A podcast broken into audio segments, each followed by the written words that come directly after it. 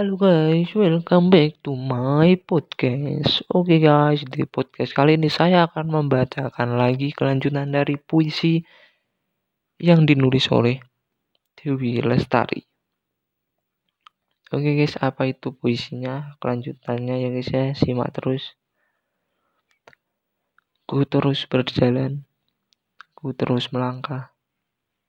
Ku ingin, ku tahu engkau ada memandangimu saat senja berjalan di batas dua dunia.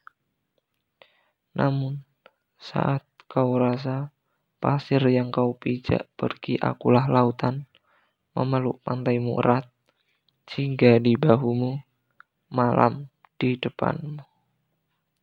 Oke, itu saja puisi dari saudari kita uh, Dewi Lestari next episode ada ada puisi lagi. See you